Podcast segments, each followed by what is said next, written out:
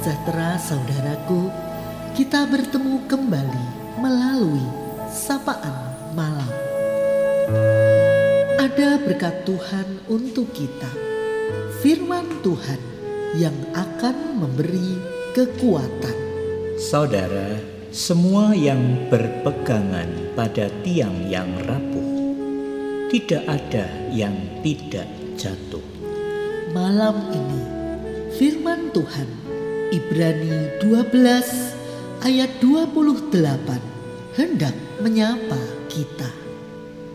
Jadi, karena kita menerima kerajaan yang tidak tergoncangkan, marilah kita mengucap syukur dan beribadah kepada Allah menurut cara yang berkenan kepadanya dengan hormat dan takut saudara-saudara, banyak masalah, penderitaan, ancaman, mara bahaya, dan sebagainya bisa terjadi sewaktu-waktu tanpa bisa dihindari oleh siapa pun.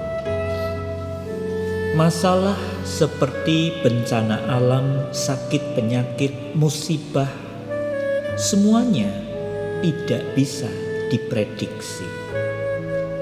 Dalam situasi seperti itu, wajar bila semua orang menjadi tergoncang karena semua begitu tiba-tiba.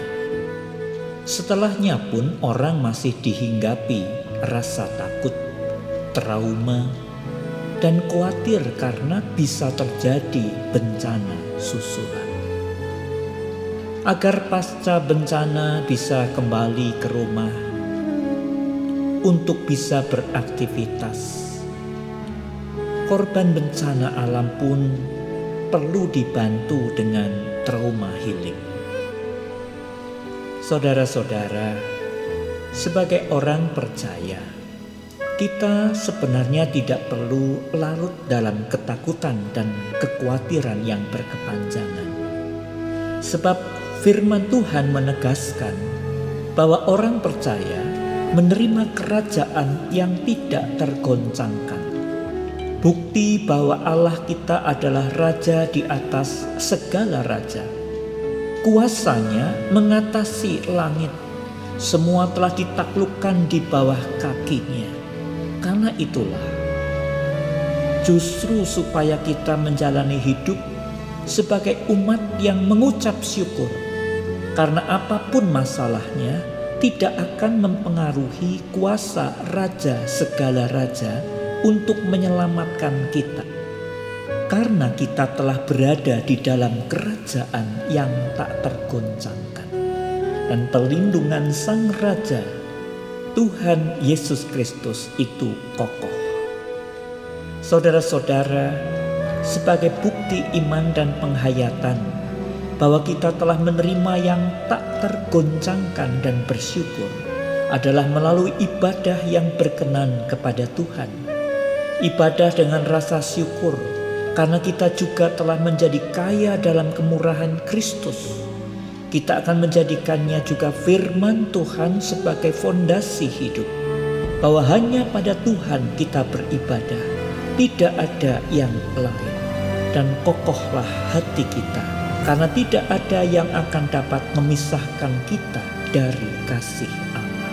Jadi sekarang kita tahu siapakah yang akan menyesal, yakni mereka yang mudah tergoncang saat masalah dalam hidup ini terjadi, yakni mereka yang ibadahnya bercabang, tidak menjadikan Allah satu-satunya yang disembah mudah tergoncang karena lebih mengandalkan kekuatan sendiri atau memiliki berhala. Beribadahlah dengan sikap hati yang benar. Itulah kehendak Tuhan, yaitu dengan hormat dan takut atau takjub. Dengan segenap hati, bukan setengah hati.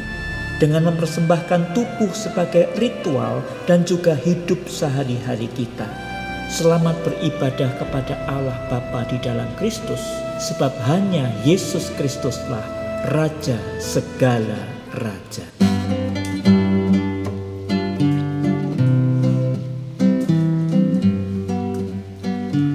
Takut akan Tuhan sedia.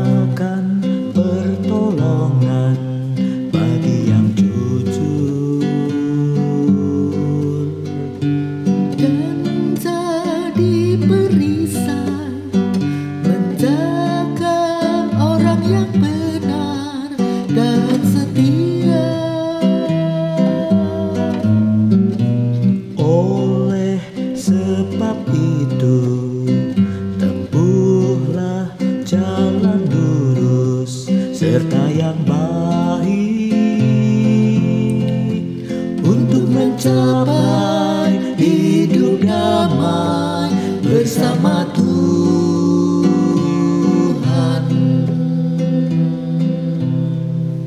Marilah kita berdoa. Bapa di sorga, terima kasih Tuhan, mampukan kami untuk memperbaharui hidup dengan semakin kami beribadah dengan kasih kepada Tuhan.